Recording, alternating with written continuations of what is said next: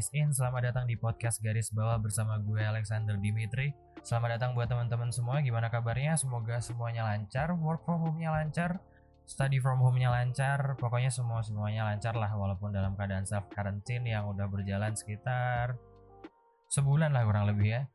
Kalau gue sendiri sih udah mulai self quarantine sejak tanggal 14 Maret. Jadi ini udah sekitar satu ming satu bulan satu bulan lebih satu minggu maksudnya. Jadi selama menjalankan self quarantine itu gue punya banyak keresahan. Tapi pada akhirnya gue menemukan jawaban dari keresahan-keresahan gue itu. Keresahan yang pertama gue rasa semuanya juga ngerasain ya. Yaitu adalah rasa bosan.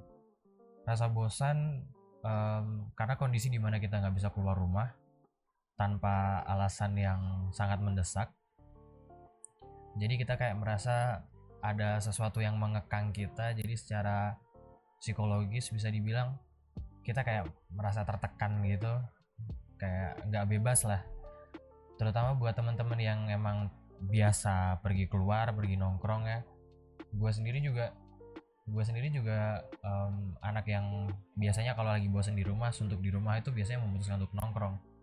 Tapi pada kesempatan seperti ini pada kondisi seperti ini kan kita nggak bisa yang ngelakuin apa yang hal-hal yang biasanya kita lakukan untuk menghilangkan suntuk di rumah gitu.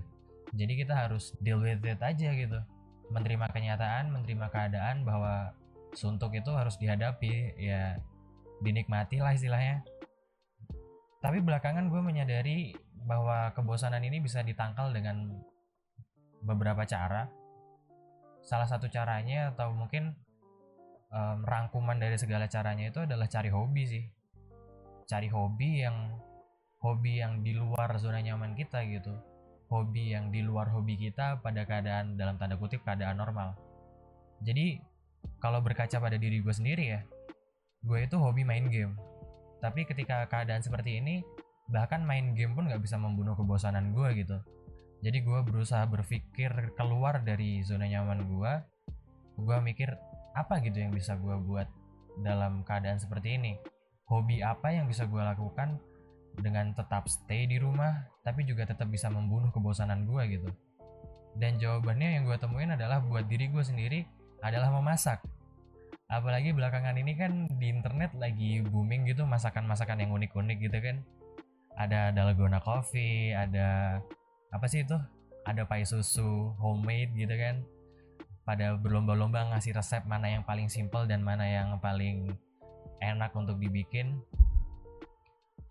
Nah kalau gue sih kemarin terakhir masak bikin cheesecake gue, bikin cheesecake yang pakai apa itu roti tawar dipotong-potong ya kan, terus pakai keju pastinya kan namanya cheesecake ya kan, terus pakai tepung maizena, terus pakai gelatin di blender, dimasak sampai mendidih sampai kental gitu terus dicetak.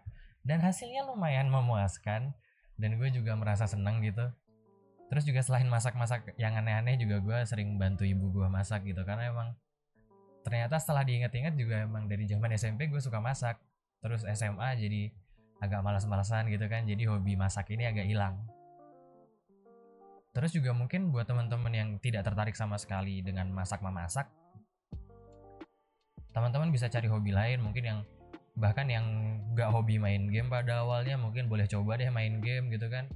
Cari-cari game yang sekiranya genre gamenya itu cocok sama teman-teman semua atau bahkan juga yang biasanya nggak suka nonton drama nonton series itu teman-teman bisa mulai cari drama atau series yang cocok sama teman-teman gitu. Atau enggak tanya-tanya ke teman-teman lain gitu yang udah biasa nonton drama atau series drama atau series apa sih yang asik untuk ditonton? Kalau rekomendasi gue pribadi ya itu ada Money Heist di Netflix La Casa de Papel ya. Itu ceritanya unik dan gimana mereka membawakan cerita itu unik. Terutama teman-teman yang suka sinematografi gitu videografi gue rasa bakal suka gimana cara mereka bikin shot per shotnya gitu.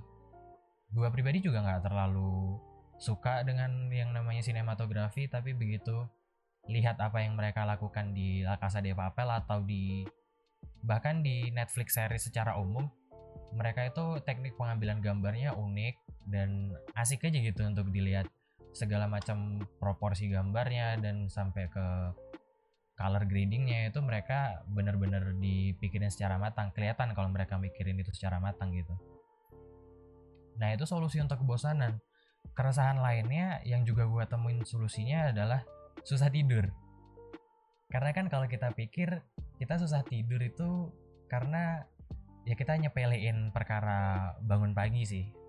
Karena kan kita ngerasa kalau kita kerja di rumah juga kita kuliah juga dari rumah jadi kita ngerasa kayak waktu yang biasanya kita pakai untuk mandi siap-siap dan berangkat di perjalanan itu bisa kita pakai buat tidur. Jadi kita ngerasa kayak ah besok juga gue bisa tidur lebih lama lagi gitu kan karena waktu-waktu yang biasanya termakan untuk siap-siap untuk di perjalanan itu bisa kita pakai buat tidur. Menyepelekan bangun pagi itu jadinya kayak malah bikin kita kebablasan gitu. Gue beberapa kali kebablasan gitu kan kayak nyepelein gitu terus tidur jam 4 jam 5 dan pada akhirnya dua minggu pertama self quarantine itu berakhir dengan gue nggak pernah tidur malam sama sekali. Jadi dari jam 12 sampai jam 5 pagi atau bahkan sampai jam 8 pagi itu gue kayak bangun gitu kayak seger aja matanya gitu nggak bisa dibawa tidur. Terus juga tidur itu baru bisa jam-jam 7 jam 8 pokoknya di atas jam 5 orang lain udah mulai beraktivitas ya kan? Orang tua gue di rumah juga udah mulai berolahraga udah mulai siap-siapin bahan-bahan masakan kalau ibu gue itu gue baru mulai tidur. Dan itu rasanya nggak enak banget karena kita merasa kita nggak tidur di jam di mana manusia biasanya pada tidur gitu. Jadi itu ngasih kayak tekanan mental kayak ngerasa nggak nyaman banget bahkan itu depresif sih karena gue beneran nyoba untuk tidur tapi nggak bisa dan itu bikin cemas itu bikin mental tergoncang lah ibaratnya lah hidup jadi nggak asik aja gitu karena nggak tidur malam. Walaupun tidurnya emang dibales di siangnya ya dari pagi jam 8 sampai jam 2 itu gue tidur gitu. Tapi itu yang bikin nggak asik jadinya hidup nggak produktif gitu. Jadinya kayak ya gitulah. Kayak nggak asik aja. Bangun makan terus nanti tidur lagi. Tidur lagi dari jam 5 sore tidur sampai jam 8 jam 8 nanti ngegame ya kan itu beneran bikin kebosanan meningkat dan juga bikin kita terganggu secara mental gitu. Dan belakangan gue ketahui solusinya adalah emang kita harus bikin fisik kita capek di siang sampai sore hari supaya kita pada akhirnya pada malam hari itu kita bisa tidur gitu. Dan gimana cara bikin diri gue capek untuk diri gue sendiri? Menurut gue dengan cara berolahraga sih.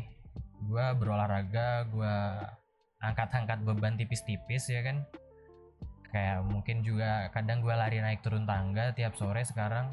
Dan akhirnya itu itu berjalan sesuai dengan rencana. Itu bisa bikin gue tidur di malam hari nyenyak enak dan bangun di pagi hari gitu.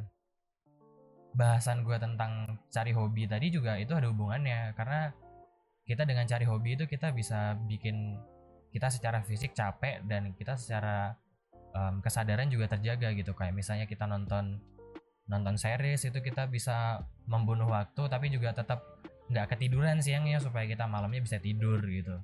Atau masak masak itu juga menguras energi kan. Jadi karena masak itu menguras energi kita bisa capek kita bisa ngerasa kayak ngantuk di malam harinya. Dan pada akhirnya malam harinya kita bisa tidur dengan nyenyak, dengan tenang dan bangun pagi gitu. Dengan melaksanakan cara-cara gue ini, gue pribadi ini efektif banget. Karena sekarang gue tidur jam 11 malam dan bangun itu jam 5 pagi. Dan itu rasanya sangat nikmat teman-teman. Jadi kayak ngerasa tidur tepat waktu dalam tanda kutip dan bangun tepat waktu pastinya kita jadi lebih produktif kita jadi punya banyak waktu untuk berpikir kita hari ini mau ngapain karena hari kita dimulai di pagi hari gitu hari kita dimulai sebagaimana normalnya kita memulai hari nah mungkin itu aja keresahan dan tips gue untuk uh, mungkin ada teman-teman yang keresahannya sama Sampai situ aja dulu podcastnya. Terima kasih udah mendengarkan. Sampai jumpa di podcast garis bawah selanjutnya. See you next time.